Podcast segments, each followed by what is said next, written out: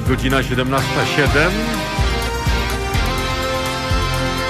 Tu Halo Radio. Mówimy wszystko. Zaczynamy Halo Komentarze. Realizuje nas, proszę Państwa, Paweł. Ja nazywam się Roman Mańka. Mam dla Państwa przyjemność prowadzić dzisiejsze Halo Komentarze. Będziemy z Państwem aż do godziny 19.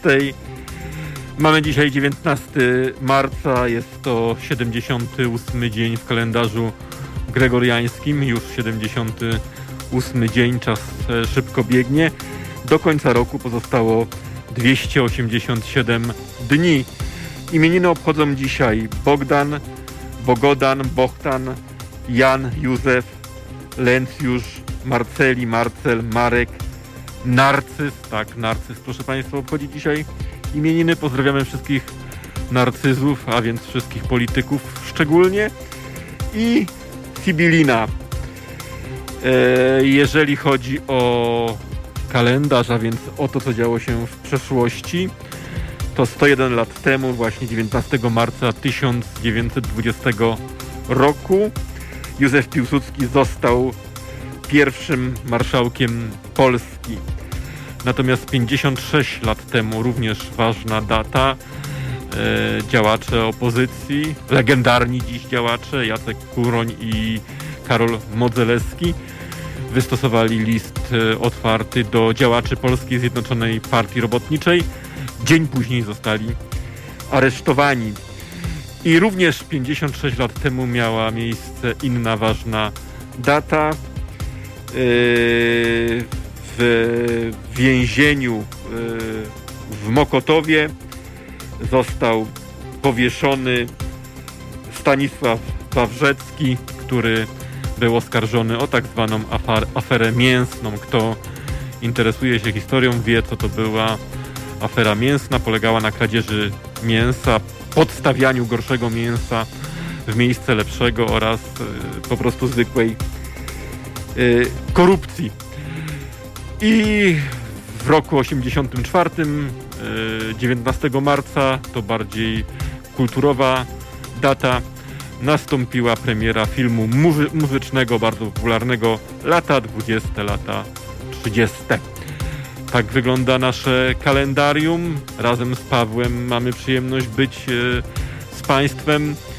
Naszymi gośćmi będą dzisiaj już za chwilę o godzinie 17.15 e, Karol Mejman z Instytutu Bezpieczeństwa i Rozwoju Międzynarodowego. Będziemy rozmawiać o sprawach międzynarodowych, ale również trochę o polskiej polityce. A o godzinie 18.15 naszym gościem będzie profesor Antoni Dudek, politolog i historyk z Uniwersytetu Kardynała Stefana Wyszyńskiego. Tak wyglądają nasi e, goście. Zostańcie Państwo z nami. Zapewne dużo z rozmów z nich e, będziemy mieli okazję się dowiedzieć. I tak jak powiedziałem, 15 po 17 naszym gościem będzie pan Sławomir Mejman.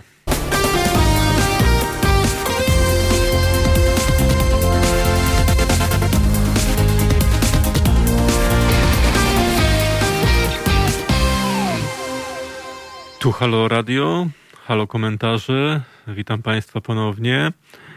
E, witam również naszego gościa, pana Sławomira Majmana, dyrektora Instytutu e, Bezpieczeństwa i Rozwoju Międzynarodowego. Witam pana serdecznie. Mm, witam, dzień dobry Państwu. I mam do pana mm, pierwsze pytanie, ponieważ od roku borykamy się z pandemią koronawirusa, która y, ma zasięg globalny, dotyka y, całego świata. Y, proszę powiedzieć, czy da się dzisiaj w jakiś sposób określić, czy przewidzieć, jak przewartościuje się świat w związku z koronawirusem i kto w takim sensie geopolitycznym na tym straci, a kto zyska, jak to wpłynie na układ sił i stosunki międzynarodowe? Ja myślę, że bardzo trudno jest tym y, wróżyć z fusów, natomiast, natomiast co do jednej rzeczy możemy być chyba już pewni, mianowicie pandemia zmieniła geopolityczną pozycję Chin. Tak. Chiny są w tej chwili w zupełnie innym miejscu niż były przed rozpoczęciem pandemii. To wynika z dwóch przyczyn.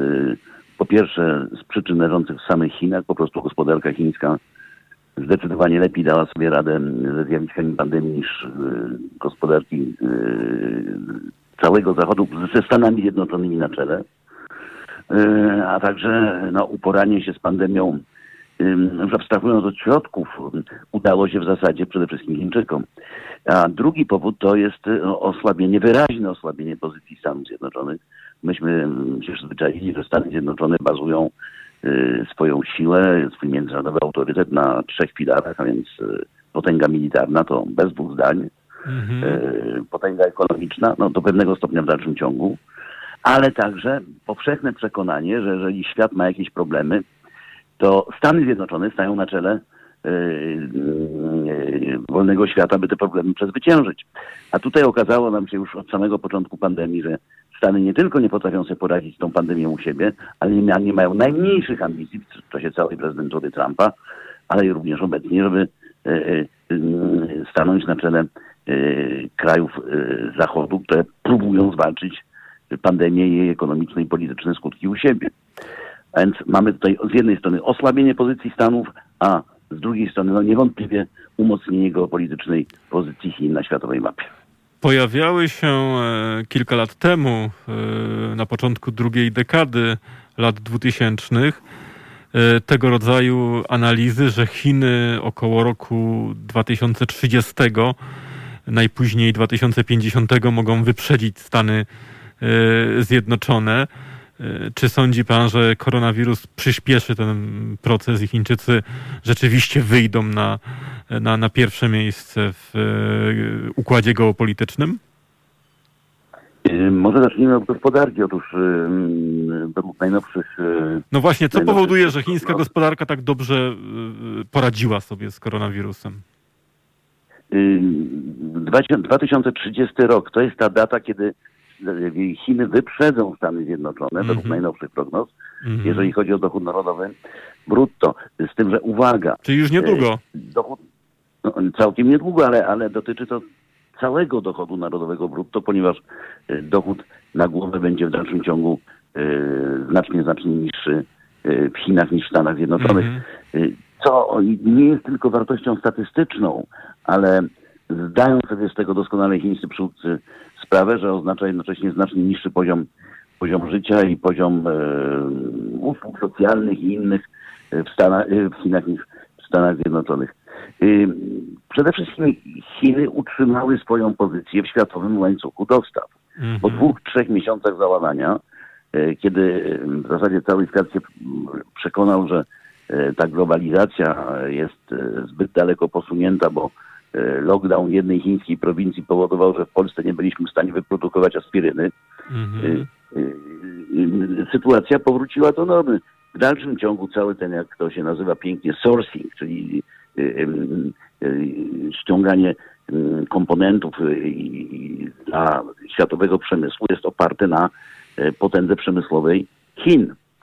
Stąd się pojawiły y, głównie w Stanach Zjednoczonych, ale także w Europie pomysły o tak zwanym decouplingu, czyli rozdzieleniu gospodarek chińskiej i, i, i gospodarek krajów rozwiniętych. No ale pozwolę, pozwolę sobie nazwać te pomysły fikcją. Żadna reindustrializacja Europy, żadna reindustrializacja Stanów Zjednoczonych no nie zastąpi dostaw surowców, dostaw komponentów i półproduktów z Chin. Widzimy to doskonale na polskim przykładzie. My jesteśmy bardzo dumni z faktu, że jesteśmy jednym z głównych ośrodków inwestycji zagranicznych y, w Europie, ale każda nowa fabryka japońska, każda nowa fa- fabryka niemiecka, każda nowa fabryka koreańska w Polsce oznacza zwiększenie importu z Chin i zwiększenie tej asymetrii między naszym eksportem a importem z Chin. 60% importu z Chin, to jest ponad 60%, to są właśnie, to jest właśnie zaopatrzenie polskich fabryk. I dotyczy to praktycznie Mhm. całego świata. A więc to odbudowanie, odbudowanie tych, tych, tych, tych, tych, tych, łańcuchów dostaw prowadzących z Chin do reszty świata, no to jest ten główny czynnik, y, który spowodował aż tak szybką, szybką rekonstrukcję chińskiej gospodarki. Ale oni tam postawili na taki można powiedzieć, brutalny, twardy lockdown.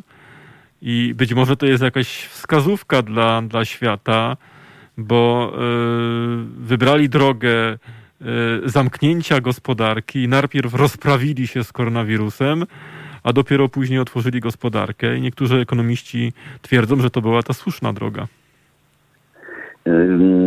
Ja miałem okazję wysłuchać parę tygodni temu głównego epidemiologa Chin.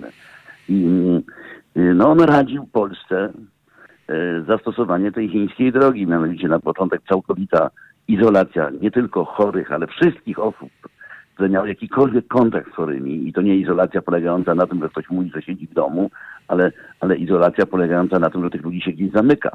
I mm. całkowity lockdown, dwa miesiące no, ciężkiego życia, ale potem odbudowa gospodarki. Ja dzisiaj rozmawiałem z moimi znajomymi w Szanghaju i z zazdrością patrzyłem e, na ekranie, jak oni siedzą tłumnie w kawiarniach, chodzą po ulicach, e, e, no wybierali się 15 osób do teatru, no więc to, to, to jednak zadziałało, nie tylko w życiu gospodarczym.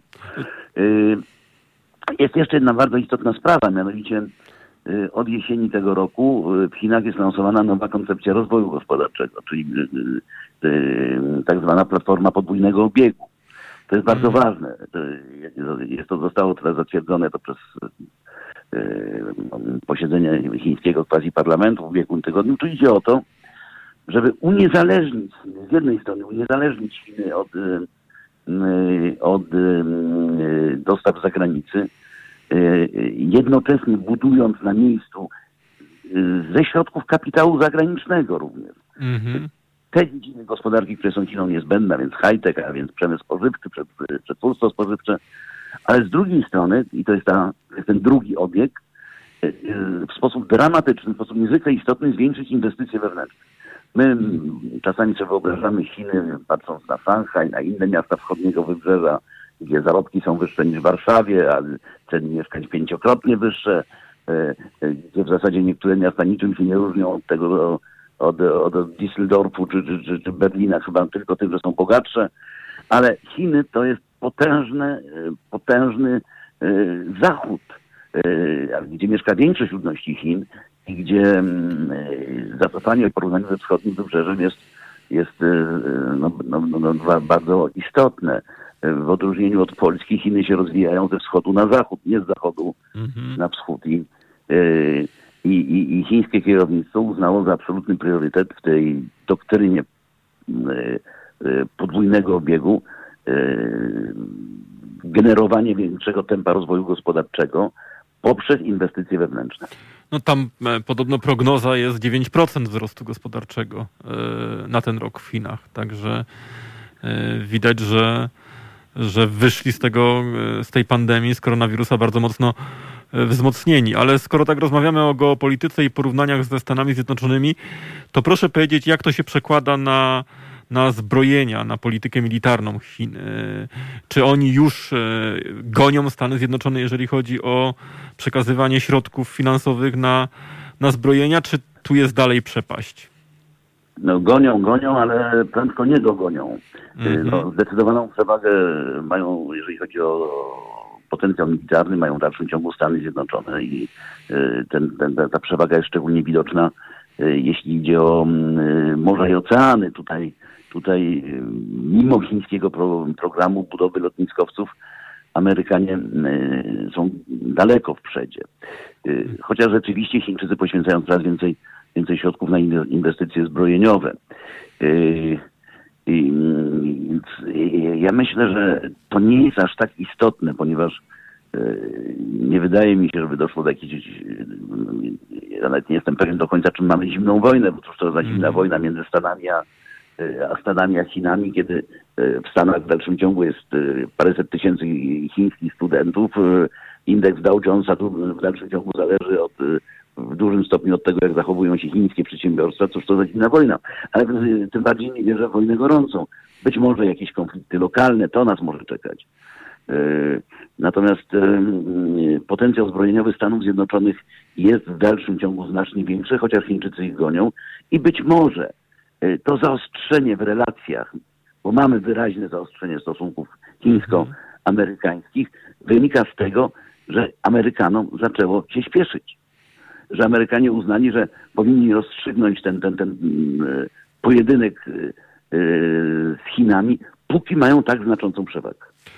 Po roku 89 można powiedzieć, że w, goli, w geopolityce wytworzył się układ, e, który nazywano często światowym policjantem, a więc dominowało jedno państwo, Stany Zjednoczone, które wygrało wyścig zbrojeń. E, czy dzisiaj może... No, nazwijmy, nazwijmy to bardziej elegancko. No, układ unipolarny, jednobiegunowy tak. albo Pax Americana. Tak. Dajmy spokój temu policjantowi nieszczęsnemu amerykańskiemu. Okej, okay, zgadzam się, ale to czy w takim razie można powiedzieć, że dzisiaj ten układ zmienia się na bardziej e, polarny czy, czy poliarchiczny e, i że do, do głosu, że mamy w grze dwa państwa już, które ze sobą rywalizują? To nie jest takie proste. To rzeczywiście myśmy się przez ostatnie 30 parę lat od upadku Związku Radzieckiego przyzwyczaili do tego, że mamy ten układ jednobiegunowy, że jest jedno mocarstwo, tym mocarstwem są Stany Zjednoczone. Mm. I jest dla nas e, w dalszym ciągu szokiem poznawczym to, że nagle się pojawiła, pojawiły Chiny w nowej roli geopolitycznej potęgi. Mm-hmm. Ja, ja, tylko przypomnę, to co się przydarzyło Chinom, przydarzyło się za życia prawie że jednego pokolenia, więc Chiny z państwa rewolucyjnego z czasów Mao Tse-tunga nagle się stały krajem przeżywającym mm, całą serię niezwykle bolesnych reform. Co ciekawe, kiedy, nagle... wejdę panu w słowo, co ciekawe, kiedy u nas w 89 roku 4 czerwca odbywały się wybory, to dokładnie tego samego dnia tam e, na placu Tiananmen e, spacyfikowano studentów. Czyli krwawo spacyfikowano Krwawo, tak. Czyli tu tak, były dwie, dwie, dwie różne drogi, można powiedzieć. No i gospodarczo oni zdecydowanie lepiej sobie poradzili. No, no, pewnym paradoksem, bardzo smutnym, tragicznym paradoksem jest to, że pacyfikacji demonstracji na Tiananmenie e, e, dokonali właśnie ci chińscy reformatorzy, ci, tak. którzy przebudowali chińską gospodarkę. To prawda. Ale to jest zupełnie inna opowieść. I rzeczywiście Chiny się nagle przed nami pojawiły jako ekonomiczna, i polityczna i geopolityczna potęga. Nawet nasz prezydent, pan Andrzej Duda, e, zafascynowany tym, co zobaczył w Chinach, e, powiedział tak spontanicznie do mikrofonu, że e, nowy jedwabny szlak, czyli tą sztandarową, sztandarowy plan narodowy chiński, uważa za największy, najważniejsze zjawisko geopolityczne XXI wieku. A więc czy mamy ten układ dwubiegunowy, czyli z jednej strony Chiny, z drugiej Stany Zjednoczone. Sądzę, że tak, mhm. że rywalizacja chińsko-amerykańska będzie tą osią, która będzie wyznaczała e, funkcjonowanie świata przez najbliższe pokolenia, może i więcej, może i dłużej. Z tym, że zdecydowana i bardzo klarowna linia chińskich przywódców jest następująca. Nie ma świata dwupolarnego. Mhm. Intencją Chin nigdy nie było zastąpienie dawnego Związku Radzieckiego, oni to mówią dosłownie.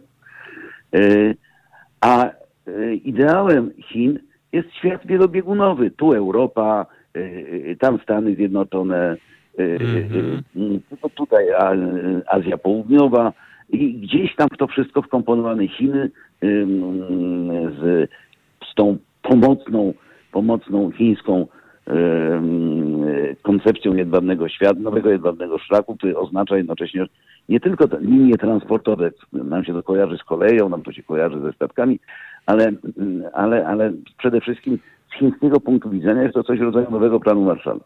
Przynajmniej oni to tak widzą. Proszę zostać z nami. Po krótkiej przerwie powrócimy do rozmowy.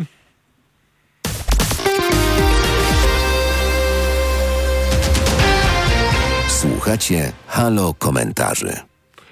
Przypomnę Państwu, że naszym gościem jest pan Sławomir Majman, wicedyrektor Instytutu Bezpieczeństwa i Rozwoju Międzynarodowego. Rozmawiamy o polityce międzynarodowej, o różnych procesach geopolitycznych, które mają miejsce. I tu pan dyrektor wskazał właśnie na przykład Chin jako takiego paradoksu. Ja właśnie chciałem pana o ten e, paradoks jeszcze zapytać, bo z jednej strony to jest kolejny przykład państwa, ale bardzo wyrazisty, w którym połączenie liberalnej, czy można powiedzieć neoliberalnej gospodarki z totalitarnym państwem dało niesamowite efekty. Mówimy o Chinach, O tak? Chinach, tak, tak. Wie pan,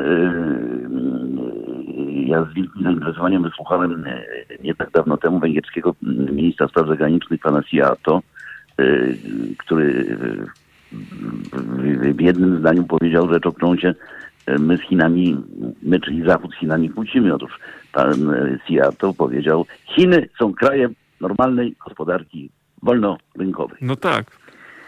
Jest to odważny pogląd, powiem szczerze, ponieważ my jednak powinniśmy pamiętać, że przy całej, fascy- przy całej fascynacji Chinami, yy, sporej części ludzi na świecie, bo jednak yy, ta ocena tego, co się dzieje w Chinach jest dość trudna, no więc yy, albo wszyscy popadają w zachwyt na temat Chin, technologii, poziomu życia, tempa rozwoju, ekspansji, Mhm. Albo druga kategoria ludzi, która widzi tam tylko terror, Mhm. Władzę monopartii i tak dalej, i tak dalej. Otóż ta ocena Chin jest niezwykle trudna.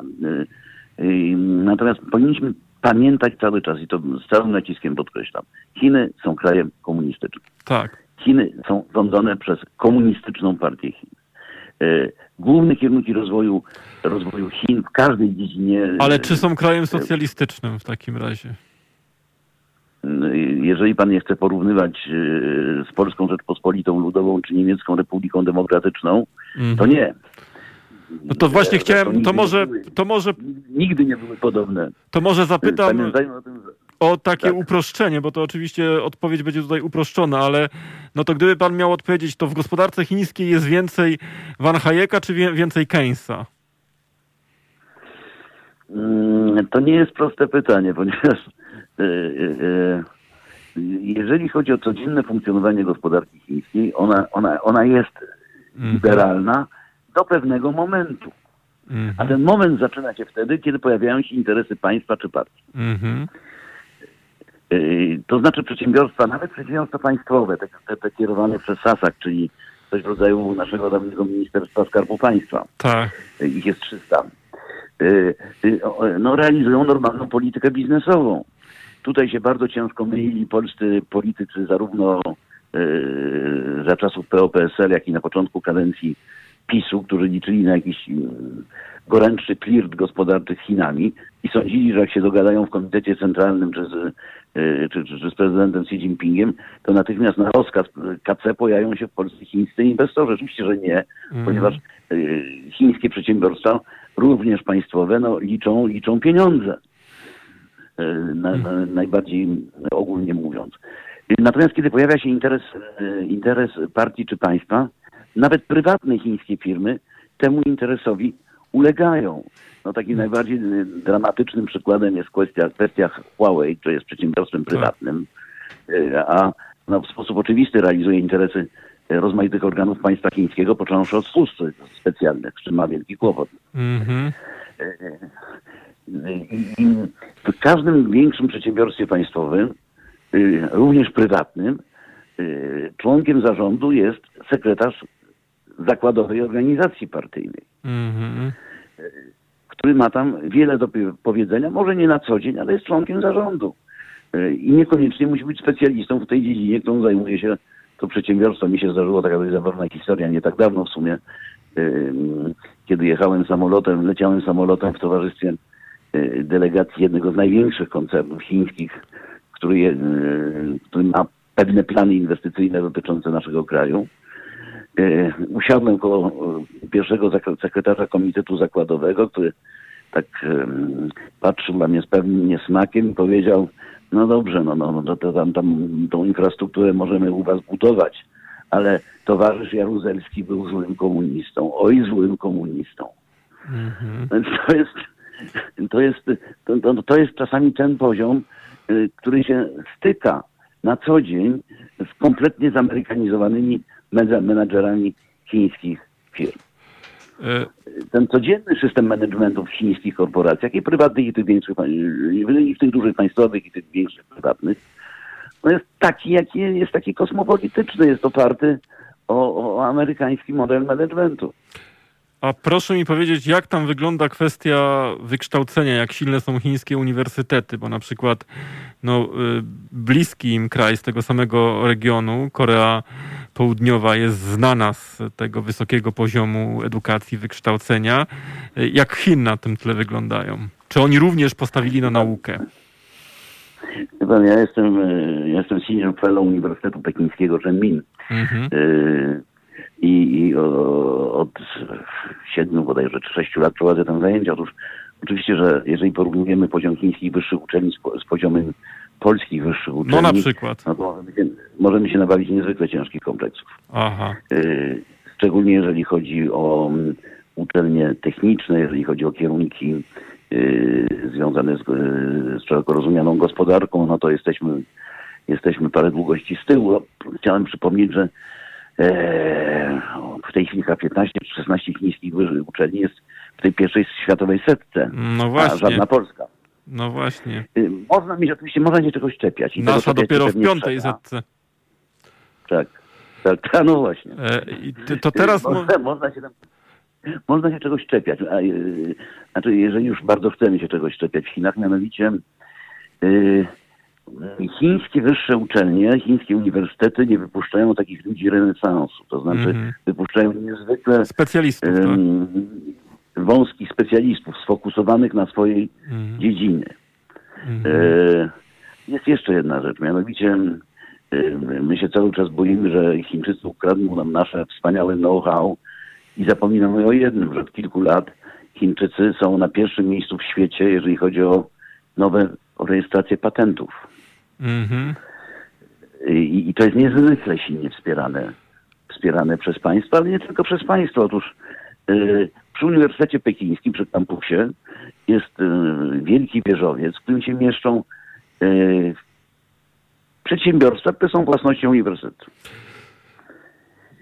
I y, w holu tego budynku jest taka wielka marmurowa tablica, do niej są przyczepione małe miedziane płytki z datami, hieroglifami. Mniej więcej codziennie jest y, przywiercana nowa mała płytka. I to są, i to są daty wdrożeń. Mm -hmm. Ponieważ system polega na tym, że wydział, katedra dostaje pieniądze wtedy, kiedy uda im się sprzedać biznesowi, sprzedać przemysłowi swoje swoje osiągnięcia. Wszystko jest jakby dokładnie na odwrót niż w Polsce. Zapytałem o to wykształcenie, bo ja miałem takie doświadczenie, kiedyś rozmawiałem z jednym z dyplomatów z Hongkongu i e, kiedy go pytałem o różne sprawy, między innymi o wolny rynek, to on mi zaczął opowiadać o Polsce w czasach komunistycznych, między innymi precyzyjnie o piosence zespołu Lady Punk, który śpiewał o restauracji u Maksyma w Gdyni, która była symbolem takiego, można powiedzieć, wolnego rynku w czasach komunistycznych, no bo tam w Gdyni trochę tego, tego zachodu było z uwagi mhm. na kontakty z morzem. I, I co mnie tam, co mnie uderzyło, że, że tak szczegółowo znał ten temat, prawda, że potrafił nawet odwołać się do piosenki popularnego polskiego zespołu i o tym wszystkim opowiadać, także to świadczy o ich przygotowaniu. Ale może... Tego bym akurat nie przeceniał, bo my czasami rzeczywiście mamy tendencję wpadania w taki cielęcy zachwyt, jeżeli chodzi o Chiny. Mm -hmm. Otóż o, o, ile, o, o ile dość wysoko oceniam y, umiejętności i wiedzę chińskiej kadry, jeżeli chodzi o duże kraje, y, chińskich, chińskich dyplomatów, jeżeli chodzi o Stany Zjednoczone, Rosję i tak dalej, to wiedza chińskiego biznesu czy chińskich dyplomatów, jeżeli chodzi o kraje mniejsze, czy o tak zwaną, o to, co ja nazywam zapomnianą Europę, Europą, -hmm. czyli Europę Środkowo-Wschodnią, no jest naprawdę, naprawdę pełna lub. I, i, I tutaj rzeczywiście nie wpadajmy w taką euforię, bo y, to jest typowe dla wielkiego mocarstwa. Rozumiem. Y, samo utworzenie takiej platformy 17 plus 1, prawda, czyli 17 krajów Europy Środkowo-Wschodniej i Chin, jest wynikiem takiego wielkomocarstwowego po, po, mm, podejścia. Otóż do jednego koszyka wrzucamy 17 krajów, bo, bo pierwsze są blisko siebie na mapie, a po drugie wszystkie były kiedyś socjalistyczne. Prawda? Tą metodą w jednym, w jednym garncu znajduje się Estonia i Macedonia. -hmm. Czechy, i, i, i, i Łotwa. No więc, Rozumiem. No, tak, działają wielkie mocarstwa z drugiej strony. E, to teraz, skoro pan już wcześniej zdefiniował tą sytuację geopolityczną jako dwubiegunowy świat, to zapytam o ten drugi biegun. E, George Friedman mówił, e, znany strateg amerykański, że Stany Zjednoczone zawsze będą silne, bo mają dostęp do szeroki dostęp do oceanów i te dwa wybrzeża, wschodnie i, i zachodnie. W ostatnim czasie czuło się taki zwrot Ameryki w stronę Pacyfiku, jak gdyby ten, ten kurs euroatlantycki został trochę. Proszę? Zdecydowanie. Zdecydowanie. Tak. Jakby ten kurs euro, euroatlantycki, który po wojnie no, był najważniejszym e, szlakiem e, geopolityki, został trochę zatracony.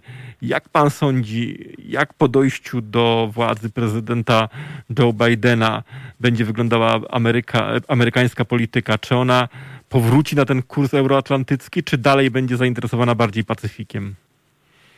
Ja myślę, że to jest generalnie zła wiadomość na długie lata dla nas, mianowicie centrum polityki amerykańskiej na dobre przeniosło się z Atlantyku, czyli na obszaru, dobre. gdzie między, my jesteśmy na stronę Pacyfiku. I ym, to nie jest istotne, czy, wam, czy w Waszyngtonie rządzi Trump, czy, czy, czy, czy Joe Biden. Mhm. Y, to jest strategia Stanów Zjednoczonych. Stany Zjednoczone są zdecydowanie mniej zainteresowane tym, co się dzieje w, y, w obszarze atlantyckim. Przede wszystkim są mniej zainteresowane Europą. Mhm. a mają pełną świadomość, że przyszłość Stanów Zjednoczonych i przyszłość supremacji Stanów Zjednoczonych rozegra się na Pacyfiku. Mhm. I może, mogą być pewne subtelne różnice, na przykład Trump nie umiał, nie chciał się dogadywać z Europą. Podejrzewam, że Joe Biden i jego administracja um, będą mieli więcej taktu w relacjach z nami. Już zresztą widać jakieś sygnały y, kampanii duserów wobec Niemiec. Tak. Chociaż z drugiej strony z tą subtelnością może różnie być, ponieważ w ciągu ostatnich dwóch dni z Waszyngtonu zapachniało prochem. No właśnie, ta e, wypowiedź w stosunku do Putina, to, to, to na co ona wskazuje? Czy to, czy to jest zapowiedź jakiejś nowej, ostrej polityki wobec Rosji? Nie mam pojęcia. Nie mam pojęcia, ponieważ w ciągu ostatnich dni Amerykanie mieli dla każdego coś miłego. Mhm. E, Putina nazwali zabójcą, e, po absolutnie niebywałych. Po, po absolutnie niebywałym początku mm, rozmów amerykańsko-chińskich w Anchorage na Alasce. Chińczycy dowiedzieli się, że powinni zmienić politykę w Xinjiangu, mhm. Hongkongu, wobec Tajwanu, a jeszcze przed tymi rozmowami Amerykanie w przeddzień tych rozmów opublikowali czarną listę 24 wybitnych polityków chińskich i polityków Hongkongu, którym nie wolno wjechać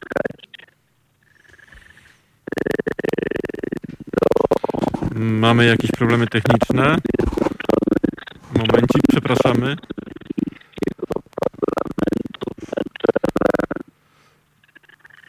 Halo? E, musimy kończyć, mamy problemy techniczne, a więc e, dziękujemy panu Sławowirowi Majmanowi za bardzo ciekawe analizy na temat sytuacji międzynarodowej. Było nam miło Pana gościć. Przypomnę, naszym gościem był Pan Sławomir Majman, wicedyrektor w Instytucie Bezpieczeństwa i Rozwoju Międzynarodowego. Dziękujemy Panu za rozmowę. Nie słyszymy się. Yy, a więc powrócimy, proszę Państwa, za kilka e, chwil i będziemy e, poruszać inne tematy.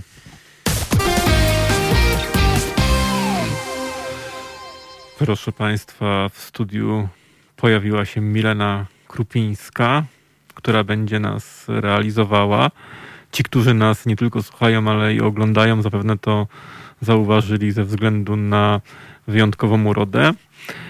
Eee, mm, przed chwilą wysłuchaliśmy bardzo ciekawej rozmowy z e, panem Sławomirem Majmanem, dyrektorem Instytutu E, rozwoju, bezpieczeństwa i rozwoju międzynarodowego, który opowiadał nam o dzisiejszym świecie.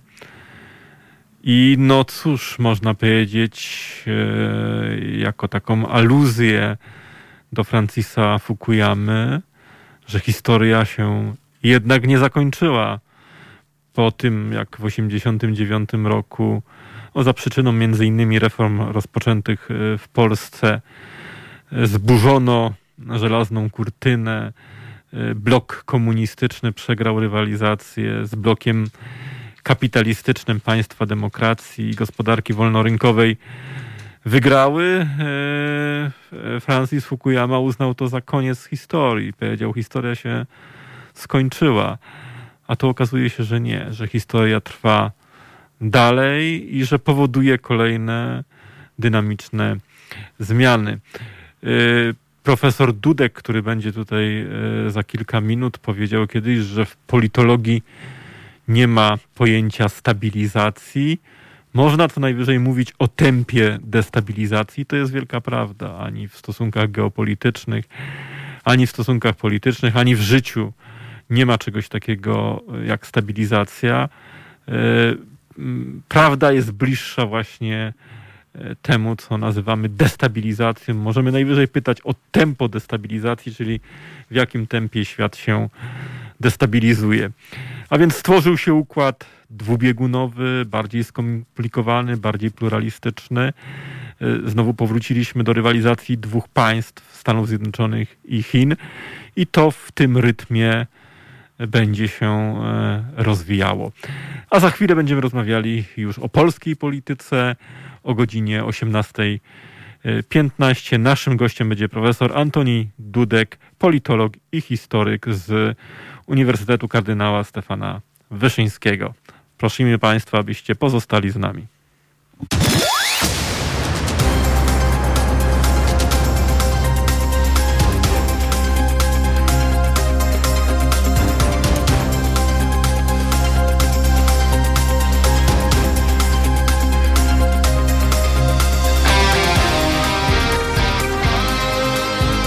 I jest godzina 18.08. Tu Halo Radio. Mówimy wszystko. To są Halo Komentarze.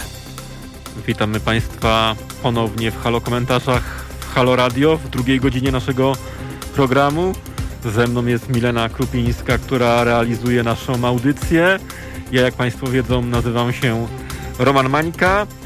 Mamy dzisiaj 19 marca, czyli 78 dzień w kalendarzu gregoriańskim. Do końca roku, a więc do Sylwestra pozostało 287 dni. Miejmy nadzieję, że w tym roku w Sylwestra będziemy tańczyć uroczyście widać nowy rok, ale do tego pozostało jeszcze trochę czasu. Imieniny obchodzą dzisiaj Bogdan, Bogu, Bogdan, Jan, Józef, Leoncjusz, Marceli, Marcel, Marek, Narcyz i Sibiliana. Patrzymy w nasze kalendarium. E, dokładnie 101 lat temu, 19 marca 1920 roku, ważny dzień w historii Polski. Józef Piłsudski został pierwszym marszałkiem Polski. 56 lat temu dwóch legendarnych opozycjonistów, Jacek Kuroń i Karol Modzelewski, napisali list otwarty do działaczy Polskiej Zjednoczonej Partii Robotniczej, za co dzień później zostali aresztowani. To są Halo Komentarze. A dzisiaj w Halo Komentarzach już za kilka minut będziemy rozmawiali z e, profesorem e, Antonim Dudkiem, e, historykiem i politologiem z Uniwersytetu Kardynała Stefana Wyszyńskiego i będziemy e, rozmawiali z naszym gościem o polskiej polityce i o zdarzeniach, e, procesach, które mają miejsce, a także e, o tym, do czego one mogą doprowadzić, bo sytuacja jest dość dynamiczna. Ale to za chwilę, a teraz posłuchamy muzyki i naszych stałych komunikatów.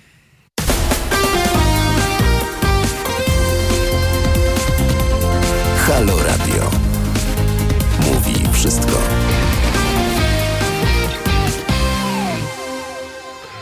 I tak jak Państwu wcześniej anonsowałem, e, naszym gościem w drugiej części programu będzie e, historyk i politolog profesor Antoni Dudek z Uniwersytetu Kardynała Stefana e, Wyszyńskiego.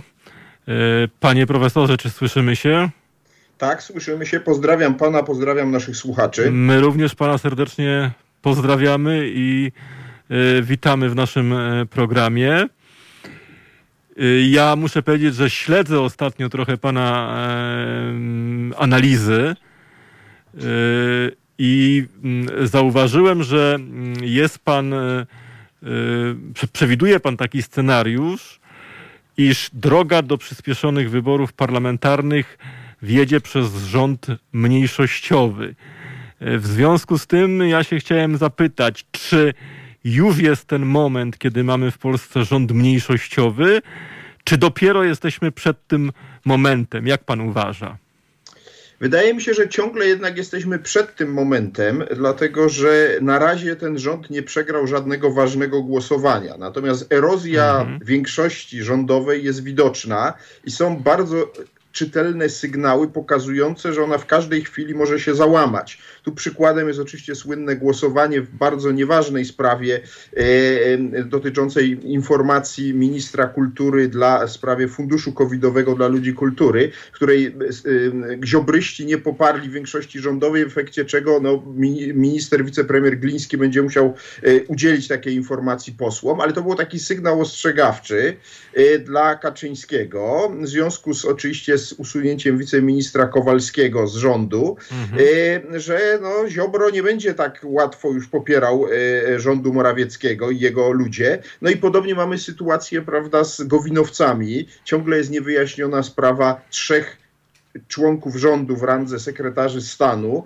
y, których y, partia Gowina formalnie wyrzuciła ze swoich szeregów i liczy na, że tak powiem, ich odwołanie, bo takie są zwyczaje y, polityczne i wstawienie tam nowych swoich ludzi. Tymczasem no, Kaczyński tego nie robi. Więc widać wyraźnie, że z obu tymi bieda koalicjantami, jak ja ich nazywam, PiS ma bardzo napięte A dlaczego relacje. bieda? Dlaczego bieda koalicjanci? Bo ciekawe. bieda koalicjanci, tak, no bo, no bo to nie jest normalny koalicjant. To znaczy, to nie Aha. są partie, które samodzielnie przekroczyły kiedykolwiek próg wyborczy. Bo Nigdy tam- się to ani ziobrystom, bo tam każdy członek prawie ministrem jest z tego, co, co widzę. No może aż tak dobrze to nie, ale rzeczywiście y, mają się świetnie, bo, bo są to małe partyjki, są wyjątkowo, powiedziałbym, e, aktywne i, i, i skuteczne w obsadzaniu stanowiskami y, różnych miejsc w Polsce, nie tylko w rządzie, bo, bo przecież y, w tym rządzie aż tyle tych stanowisk nie ma. Natomiast rzeczywiście no, kiedyś, Zio, kiedyś Gowin w poprzedniej kadencji miał w pewnym momencie pięciu ministrów, licząc Tak. ze sobą w rządzie, no to była nie, nie, nieprawdopodobna, a miał tych posłów y, mniej niż obecnie.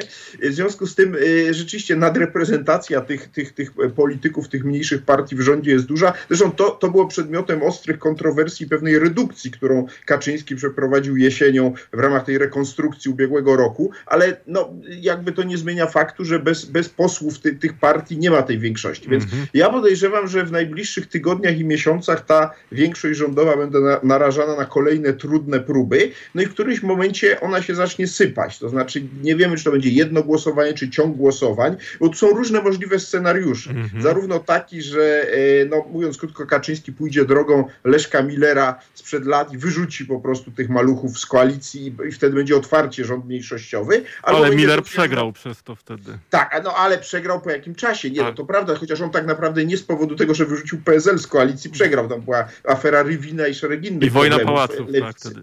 Ale nie zmienia to faktu, że to był taki spektakularny przykład wyrzucenia przez premiera koalicjanta z rządu, bo zazwyczaj było odwrotnie. Tak, znaczy, tak. Znacznie częściej, tu kazus Unii Wolności oczywiście jest najbardziej słynniejszy opuszczenia koalicji z AWS-em, zazwyczaj to jednak ten mniejszy koalicjant opuszczał koalicję niezadowolony. No, być Tutaj może będziemy- Miller pamiętał ten kazus, kiedy PSL uciekł w 97 roku z koalicji na miesiąc przed wyborami. To prawda, no Tak. być może, y, ale to było to wyrzucenie y, w 2003 roku było w połowie kadencji, Tak. więc trudno powiedzieć, czy to o to chodziło. Raczej jemu puściły nerwy, to znaczy Miller uznał, że to nie może tak być, że tu ważne przedłożenia rządowe przepadają. No i pytanie, kiedy puszczą nerwy Kaczyńskiemu, bo być może Mhm. on jest cierpliwszy od Millera i dlatego nie wykluczam, że ten scenariusz, powiedziałbym, takiego obumierania większości rządowej może być dłuższy niż tylko kilka tygodni, no może być kilka miesięcy. Natomiast nie kryję, że byłbym zdziwiony, gdyby ta koalicja przetrwała 2,5 roku, zważywszy na temperaturę i wzajemne niechęci, y, która tam jest widoczna tak naprawdę już od, od, od no bardzo wyraźnie od, od wiosny ubiegłego roku, od słynnej Wolty Gowina y, y, w związku z wyborami kopertowymi i później już widać, że naprzemiennie a to Gowin, a to Ziobro stale się stawiają Kaczyńskiemu. A ja słyszałem to trochę na podstawie przecieków o takim scenariuszu, że Jarosław Kaczyński już jakiś czas temu podjął decyzję o wcześniejszych wyborach i e, wyreżyserował sobie plan, który nazywał się Daniel Obajtek. Miał on polegać na tym, że wymieni premiera, pojawi się nowy premier właśnie w postaci Daniela Obajtka, zostaną uchwalone różne społeczne, socjalne e, ustawy, takie jak na przykład rewaloryzacja 500, 14 emerytura, to wszystko widzieliśmy. I na tej fali nowej twarzy Obajtka i tych wszystkich socjalnych propozycji, ja przypomnę, że w Polsce jest 9 milionów emerytów i dzięki emerytom między innymi PiS wygrał wybory prezydenckie, że właśnie na tej fali PiS pójdzie do nowych wyborów już samodzielnie, bez przystawek i te wybory wygra. E, Tyle tylko, że ktoś mu ten plan spalił właśnie ujawnieniem tych wszystkich afer z udziałem Obajtka. Jak pan ocenia?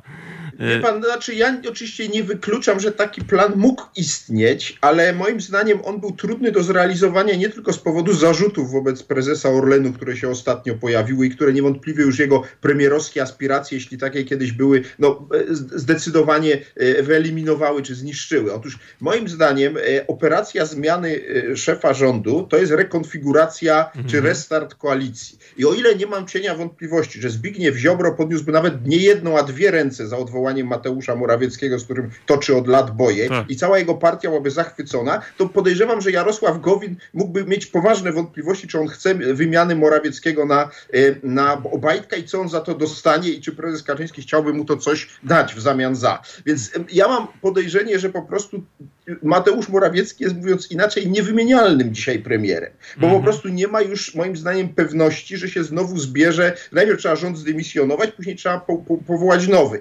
No i tu jest ryzyko, że właśnie w tak zwanym międzyczasie okaże się, że nie ma większości.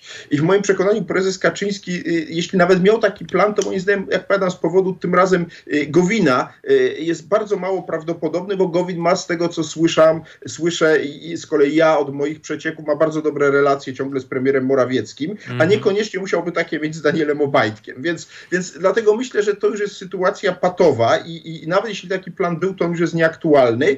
No i pozostaje pytanie e, raczej takie, e, czy za wszelką cenę e, trwać e, jeszcze ponad dwa lata, jakby udając, że, że, że ta koalicja istnieje i próbować jakoś manewrować między Ziobrą i Gowinem, czy po prostu rzeczywiście w którymś momencie e, przystąpić do operacji pod tytułem przedterminowe wybory, ale już na pewno nie poprzedzono ją zmianą premiera. To wydaje mi się nierealne. Natomiast oczywiście e, tu jest pytanie o to, co miało być jutro ogłoszone, a nie będzie, czyli ten nowy ład. Właśnie. Bo to ma być rzeczywiście pomysł PiSu na wygranie kolejnych wyborów. Trochę ma do nawiązują tutaj. To Tak, taka... oczywiście. Natomiast, natomiast proszę zwrócić uwagę, jak to jest prezentowane. Jeśli pan widział ten spot reklamujący, to tam przy tym słynnym stole z papierami, który zawiera ten Kaczyński i Marowiecki, program, tak. A nie ma tam, a są dwa puste krzesła Tak, tak, y, tak. poza nimi. Tak. Ale to bardzo znamienne i to jest symboliczne. Tam nie ma ani Gowina, ani Ziobry. No i oficjalnie to dlatego, że to jest projekt wyłącznie PiSu. No ale to nie PiS ma samodzielną większość, tylko PiS ma większość z ziobrystami i gowinistami. Do czego zmierzam? To znaczy, y, to jest jakaś próba postawienia ich pod ścianą y, i powiedzenia, to jest fantastyczny program, a wy się możecie przyłączyć albo idźcie na drzewo. I ja nie sądzę, żeby to było do przeprowadzenia. To znaczy, oczywiście przystawki mają ten problem, że samoistnie nie, nie, nie, nie mają niewielkie szanse, ale proszę zwrócić uwagę, że Gowin jest cały czas w PiSie podejrzewany, że on jest dogadany z Kośniakiem Kamyszem i że ma tą szalupę e, ratunkową po, pod, pod adresem koalicja, pod nazwą Koalicja Polska, a z drugiej strony ma pan y, y, wiceministra wspomnianego Kowalskiego, już byłego wiceministra, który jak go tylko wyrzucono z rządu, to zaczął mówić, że właściwie możemy się dogadać z Konfederacją. Oczywiście ja w to średnio wierzę, y, w ten sojusz Solidarnej Polski z Konfederacją, no ale hipotetycznie to jest możliwe, więc można powiedzieć, że obaj ci bieda koalicjanci mają gdzie uciekać, e, prawda, od PiSu, E, choć jak mówię, ich los jest mocno wątpliwy, to, to nie jest tak, że oni są w ogóle już skazani na anihilację. To jest to duże ryzyko, że to ich spotka, ale to nie jest tak, że oni są już w sytuacji zupełnie beznadziejnej. No i teraz jeśli emocje w tym trójkącie Gowin, Ziobro, e, Kaczyński zwyciężą, a coraz są silniejsze, no to ten rząd straci większość. Mhm. Pozostaje pytanie o scenariusz, w jakim to nastąpi, tego nie wiemy. Czy to będzie dy, y, głosowanie w sprawie funduszu odbudowy, to jest najbliższe ciężkie głosowanie, czy kilka kolejnych, no bo będą kolejne głosowania y, w Sejmie, no, które będą trudne bądź dla ziobrystów, bądź dla gowinowców. Ale jest jeszcze inne pytanie, czy opozycja w tych warunkach, bo wiemy, że no po koronawirusie przyjdzie jednak jakiś kryzys gospodarczy, Czy opozycja w tych warunkach będzie zainteresowana przyspieszonymi wyborami? Widzimy, jakie problemy ma koalicja obywatelska, jak bardzo zagraża jej hołownia. I, I, czy w ogóle w tym stanie państwa, jakie, w jakim się ono znajdzie, będzie zainteresowane przejęciem władzy? Ja powiem tak, no, ale jeśli nastąpi erozja Zjednoczonej Prawicy, powstanie rząd mniejszościowy, no to nieżądanie przez opozycji przedterminowych wyborów jest jakąś kapitulacją. Nie sądzę, żeby ona mogła sobie na to pozwolić. Ja sobie zdaję sprawę, że wielu ludzi z opozycji, e, ci przytomniejszych, tych, którzy troszkę dalej patrzą, zdają sobie sprawę z morza problemów, jakie odziedziczą po PiSie. I to nie jest tylko prezydent e, Duda, który będzie wszystko wetował, ale to jest rzeczywiście mnóstwo rozbabranych spraw, E, które PiS po prostu e, albo zepsuł, albo, albo nie naprawił w porę na czele z energetyką. E, I to nie jest oczywiście, tylko że rozumując w ten sposób, należałoby w ogóle skapitulować. No opozycja jest od tego, żeby walczyć o, o przejęcie władzy i muszę powiedzieć, jak zawsze ją bardzo mocno krytykuję, tak muszę za, za jedno pochwalić. Udało jej się po raz pierwszy od naprawdę już bardzo dawna mnie czymś pozytywnie zaskoczyć. I mam tu oczywiście na myśli Rzeszów. To, że ja byłem przekonany, że maksimum tego, na co stać opozycję, tą na lewo od PiSu, to jest pakt nieagresji między jej licznymi kandydatami na prezydenta Rzeszowa i to, że który przejdzie do drugiej tury, tego będą popierać. Tymczasem oni okazali się zdolni do wyłonienia wspólnego kandydata. Oczywiście to jest daleko prostsze od wyłonienia to wspólnej prawda. listy wyborczej. Tak. Niemniej jednak to jest jakiś minimalny próg. Jeżeli teraz panu Fiołkowi się rzeczywiście uda wygrać w Rzeszowie, co oczywiście nie jest przesądzone, bo tam będzie bardzo ostra walka mm -hmm. w drugiej turze, ale jeśli mu się uda wygrać, no to sygnał będzie bardzo jednoznaczny. Ale to jeżeli mu się nie uda, to sygnał też będzie jednoznaczny. To prawda, to, to prawda. To jest groźne ale, dla opozycji. No, oczywiście tak, tylko że e, proszę pamiętać, że tak naprawdę prawdziwą klęską byłoby to, gdyby on w ogóle nie wszedł do drugiej tury, w co nie wierzę. Znaczy, gdyby pani Leniar z panem Warchołem walczyli o drugą turę Y, o, o prezydenturę w Rzeszowie. Y, to jest moim zdaniem nierealne, więc pan Fiołek na pewno wejdzie do drugiej tury. Natomiast oczywiście, jeśli popełni jakieś błędy, jeśli będzie słabszy, jeśli y, będzie miał mniejsze wsparcie, no to przegra, tak jak przegrał Trzaskowski, no ale opozycja z tego powodu nie przestała istnieć, prawda? E, oczywiście, więc tutaj wynik jest bardzo dla mnie ciekawy i symptomatyczny, bo, bo tu będzie naprawdę taka zastępcza, symboliczna walka. Rzeszów na moment stanie się taką Polską w pigułce, no bo z jednej strony jest to stolica Podkarpacia, gdzie wiadomo, że PiS od zawsze rządzi, ale z drugiej strony. Ale to Rzeszów to nie Podkarpacie, nie to nie to samo. No właśnie, dokładnie. To jest duże miasto, y, gdzie y, wpływy PiSu we wszystkich dużych miastach są jednak ograniczone. Duda wygrał minimalnie wybory prezydenckie z Trzaskowskim w Rzeszowie, bo sprawdziłem Dokładnie. Wynik to było chyba tam e, niecałe pół procenta tak, różnicy. Tak, dokładnie, no bo, bo, bo generalnie e, PiS w dużych miastach ma olbrzymie problemy i raczej to się nie zmieni. I to jest oczywiście szansa dla, dla kandydata e, opozycji, zwłaszcza odkąd jest on jeden i jest szansa, że, że, że no nie będzie jakoś atakowany już przez, przez przynajmniej tych o, konkurentów z opozycji przed pierwszą turą. No, zakładam, że skoro go wysunęli, to już teraz będą lojalnie go popierali. Mhm. Także to jest w ogóle bardzo ciekawe ciekawe, no co oczywiście nie należy oznaczać, że ja tutaj uważam, że na pewno najlepsza jest jedna lista opozycji przed wyborami. Nie. E, mhm. Być może dwie listy są lepsze, na pewno więcej niż dwie listy opozycji przed ewentualnymi e, wyborami e, parlamentarnymi to byłaby katastrofa tej opozycji. Ale mhm. można dyskutować długo, czy wariant z jedną listą jest lepszy, czy z dwoma listami, bo, bo każdy z tych scenariuszy ma, ma swoje zalety i wady. Natomiast mówię, sam fakt, że w Rzeszowie udało to się... To chyba zależy, jak te listy będą skonfigurowane, bo, bo to jest ważne, żeby były spójne. Pamiętamy. Nie, to znaczy, no, nie, ale panie redaktorze, no wiemy doskonale, że mamy wyborców centrowych i mamy tak. wyborców lewicowych.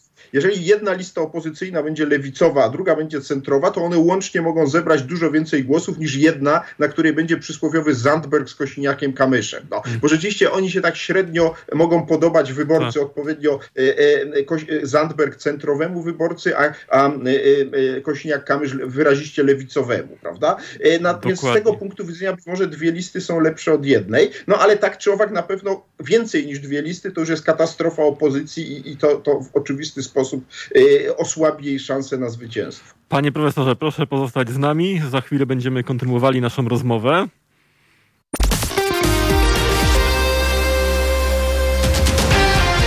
Słuchacie Halo Komentarzy. A przypomnę Państwu, że w Halo Komentarzach gościem jest profesor Antoni Dudek, politologii historyk z Uniwersytetu Kardynała Stefana Wyszyńskiego. Rozmawiamy o polskiej polityce i o procesach, które mają miejsce. Panie profesorze, mm, rozmawialiśmy o takim negatywnym scenariuszu dla Prawa i Sprawiedliwości. A czy widzi Pan jeszcze możliwość i szansę na scenariusz pozytywny? Bo są eksperci, którzy zwracają uwagę na jedną rzecz. Skoro Morawieckiemu udało się jakoś przetrwać, miał trochę szczęścia, bo rzeczywiście chyba był przygotow była przygotowana roszada z Danielem Obajtkiem, za jakiś czas pojawią się pieniądze z Unii Europejskiej, potężne środki, potężne pieniądze, którymi PiS będzie dzielił. E, program pod nazwą Nowy Ład też zostanie pewnie kiedyś przedstawiony, może po świętach wielkanocnych. Czy widzi pan scenariusz, w którym PiS może się obronić i, i, i wygrać kolejne wybory? Tak, ja bym takiego scenariusza nie wykluczał. On mi się wydaje na dziś mniej prawdopodobny, natomiast jeśli rzeczywiście będzie splot przyjaznych czy, czy, korzystnych dla PiSu okoliczności, to takie rozwiązanie jest możliwe. Co to znaczy splot korzystnych okoliczności? Po pierwsze, okaże się, że ten nowy ład jest przekonujący, że wielu mhm. Polaków ciągle uważa, że PiS dotrzyma słowa i będzie dalej rozkręcał tą swoją politykę e, socjalnego rozdawnictwa pieniędzy na olbrzymią skalę, że budżet to przez najbliższe 2,5 roku wytrzyma, no bo to trzeba będzie, e, żeby być wiarygodnym, wypłacać czternastkę, trzynastkę nie tylko w tym roku, ale w kolejnych latach, a więc potężnie zadłużać e, Polskę. Oczywiście mhm. prezes Glapiński w wywiadzie powiedział, że my dalej jesteśmy mało zadłużeni, więc ja się spodziewam, że tutaj z, te, z tego punktu widzenia e, powiedziałbym pieniędzy jeszcze nie zabraknie. Natomiast do tego muszą dojść jeszcze dodatkowe elementy, to znaczy musi się opozycja podzielić na właśnie, jak mówiłem wcześniej, więcej niż dwie listy i po trzecie, no najkrócej krócej mówiąc, muszą się skończyć problemy e, z, e, takie w stylu prezesa Obajtka. To znaczy, a moim zdaniem przeciwnie, będzie ich coraz więcej. To znaczy, musi się skończyć proces odsłaniania e, systemu klientelistycznego, który PiS mhm. zbudował przez minione pięć lat i który teraz powoli poznajemy. A mam wrażenie, że właśnie jest jeszcze dużo do ujawnienia takich historii, gdzie tutaj właśnie szwagier, ciotka, syn, wuj i, i inni członkowie rodziny, krewni, przyjaciele ze szkoły obsadzają różne intratne stanowiska w różnych różnych miejscach.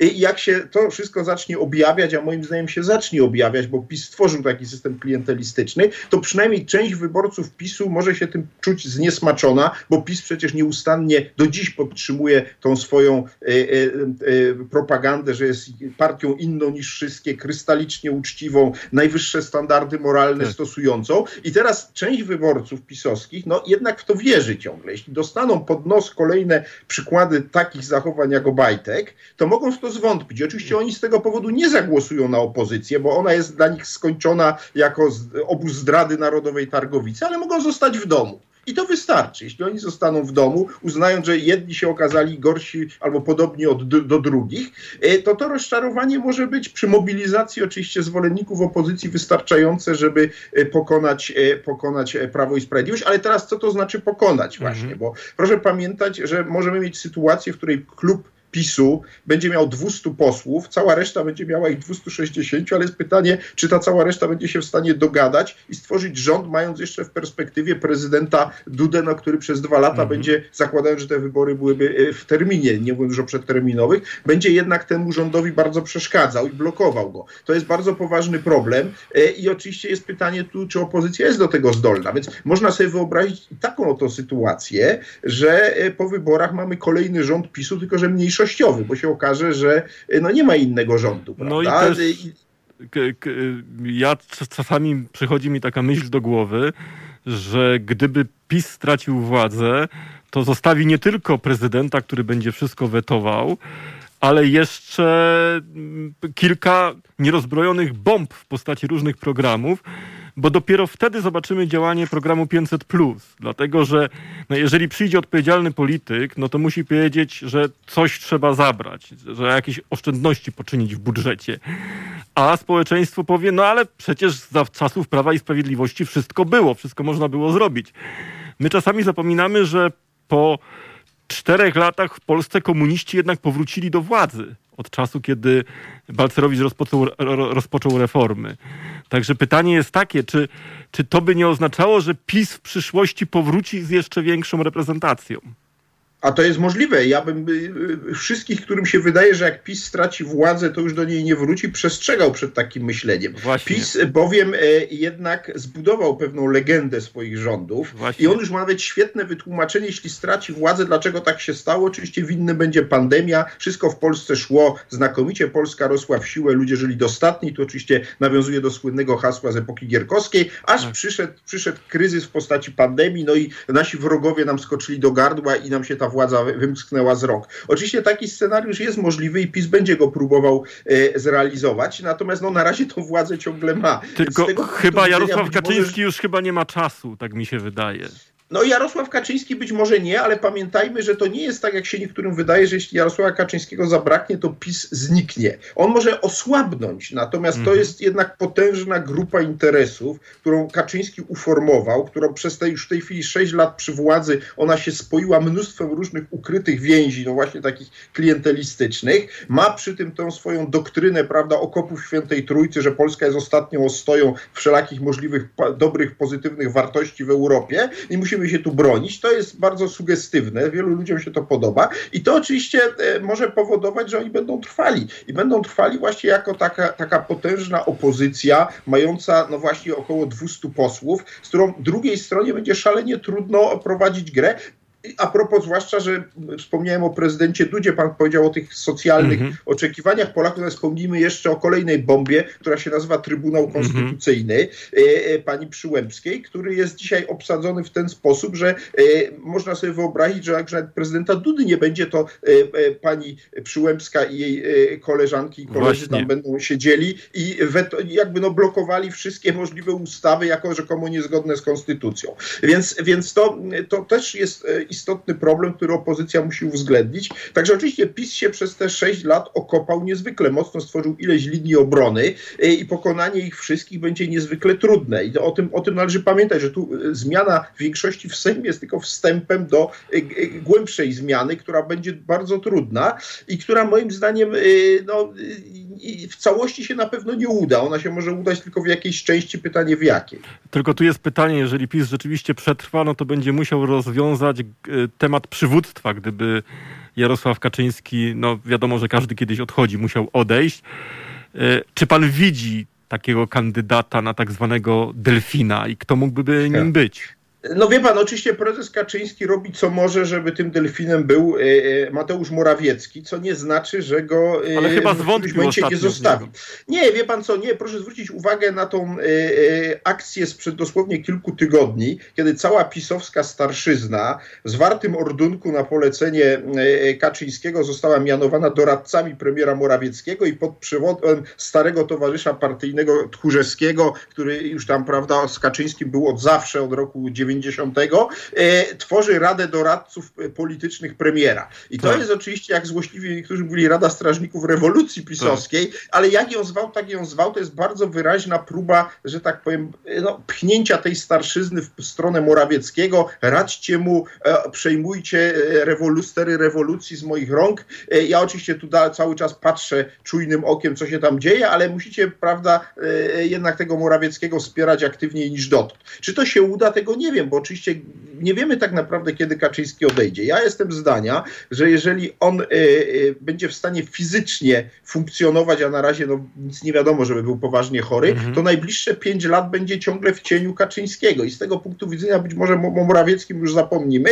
pojawi się ktoś zupełnie inny, a Kaczyński ciągle będzie pociągał za sznurki. To jest coś, czego nie wie nikt i być może sam Mhm. Kaczyński tego nie wie, na ile mu starczy sił. Ja wiem jedno, y, doświadczenie historyczne pokazuje, że posiadanie władzy powoduje, że organizm ma olbrzymią adrenalinę. Mhm. I w związku z tym. to być pomaga? Może, dla, tak, tak, myślę, że tak. I w związku z tym myślę, że dla Kaczyńskiego moment, w którym PiS straciłby większość, rzeczywiście musiał przejść do opozycji, to może być moment, w którym wszystkie, że tak powiem, choroby, które gdzieś ten organizm dusi, e, nagle eksplodują. Mhm, to może tak. być dla niego ciosem. On rzeczywiście może nie mieć już dość sił, żeby walczyć o, o, o odzyskanie władzy Mhm. po przejściu do opozycji. E, e, natomiast nie wiemy, no tak jak rozmawialiśmy wcześniej, los przyszłych wyborów nie jest przesądzony ani w jedną, ani w drugą stronę. I może być i tak, że PiS będzie dalej rządził z rządem mniejszościowym i przyjaznym dla siebie prezydentem, ponieważ opozycja okaże się mieć większość mandatów, ale być niezdolna do stworzenia stabilnego rządu, no bo mówię, rząd z Kośniakiem, Kamyszem i Zandbergiem to nie będzie rząd, ja mówię symbolicznie te nazwiska wymieniam,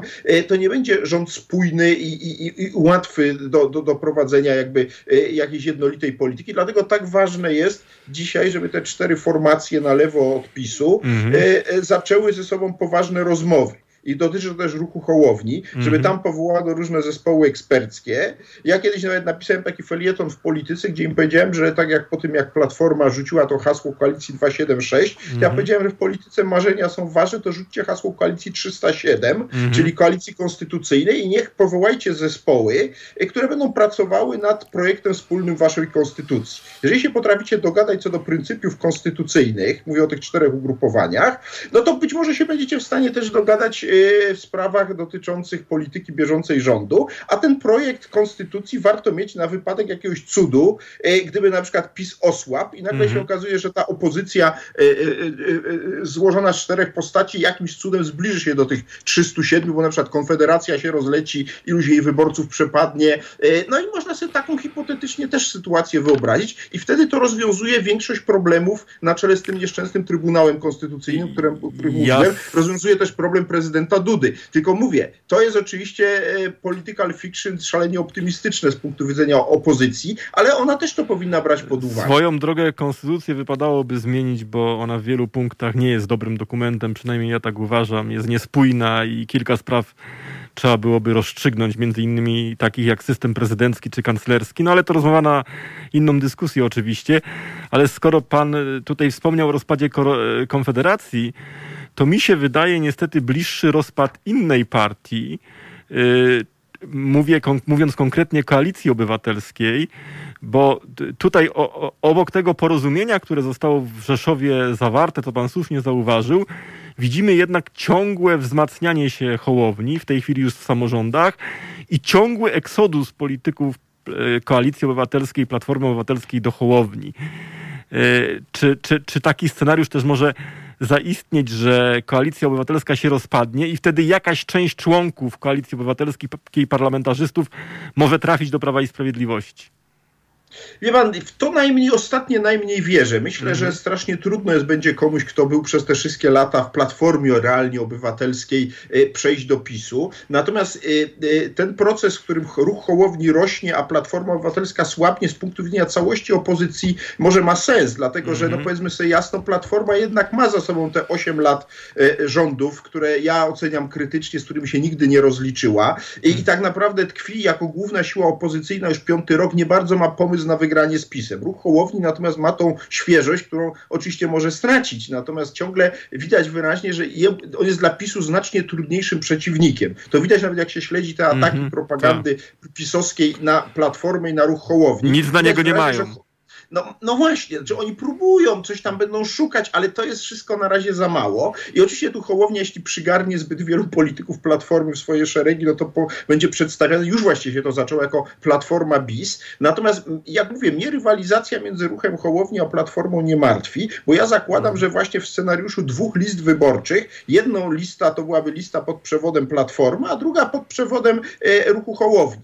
E, I, I można sobie wyobrazić, że Platforma, która wyraźnie skręca w lewo, dogaduje się z lewicą i to jest jedna lista, a druga lista to jest oczywiście e, ruch Hołowni z PSL-em, taka bardziej centrowa. E, I to moim zdaniem jest bardzo ciekawy układ. Jeśli mhm. te dwie grupy nie, nie, nie, nie, nie, nie pozabijałyby się w trakcie kampanii, tylko potrafiły jakoś e, rywalizować w sposób, sposób elegancki ze sobą, no to to jest potencjalnie później koalicja z takich czterech elementów rządowa. Ona będzie trudna, ale jak mówię, no, jest pytanie, czy poza tą rywalizacją bieżącą te wszystkie podmioty będą w stanie ze sobą merytorycznie rozmawiać gdzieś za kulisami, bo wiadomo, że polityka ma tą część teatralną, gdzie wszyscy ze wszystkimi walczą i rywalizują, a ma też tą część pragmatyczną, gdzie bez już udziału kamer i mikrofonów się rozmawia i myślę, że takie rozmowy, jeśli się nie zaczęły, to powinny się zacząć, choć wedle tego, co słyszałem, trwają takie, tylko bez ruchu Hołowni. Mhm. Słyszałem, czytałem, że są jakieś zespoły programowe, nie wiem, czy one tam realnie coś robią, czy nie, natomiast no, czytam, że takowe powstały i gdyby tam jeszcze doszedł ruch Hołowni, powinien moim zdaniem dojść, no to to, to jest jakiś optymistyczny sygnał z punktu widzenia opozycji, e, bo, bo widać, co się dzieje po drugiej stronie. Po drugiej stronie właśnie, mimo że władza spaja bardzo mocno, to widać już nawet, że to spoiwo władzy jest dzisiaj za słabe, żeby utrzymać jedność Zjednoczonej Prawicy, chociaż z, z racjonalnego punktu widzenia oni się już nie powinni dogadać ze sobą. Mówię o, o tym triu e, e, Gowin, Ziobro, e, Kaczyński, a z jakichś powodów nie mogą. Panie profesorze, można byłoby pana jeszcze słuchać godzinami, ale niestety musimy kończyć. E, Bardzo panu dziękuję, Dziękuję za również. dzisiejszy komentarz. Życzę panu dużo zdrowia. Proszę uważać na siebie, bo Tak, pandemia. ja też pozdrawiam wszystkich i, i życzę zdrowia wszystkim i proszę zachować ostrożność, bo trzecia fala e, w apogeum. Właśnie. Jest bardzo groźna, tak, zgadza się. My też panu życzymy dużo zdrowia, wszystkiego dobrego, udanego weekendu i do zobaczenia, do usłyszenia. Dziękuję, do zobaczenia, do usłyszenia.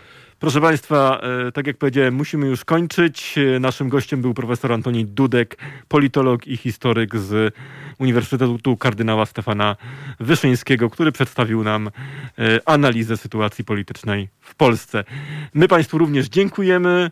Życzymy udanego weekendu. Ze mną spotkacie Państwo się jutro w moim autorskim programie o godzinie 21.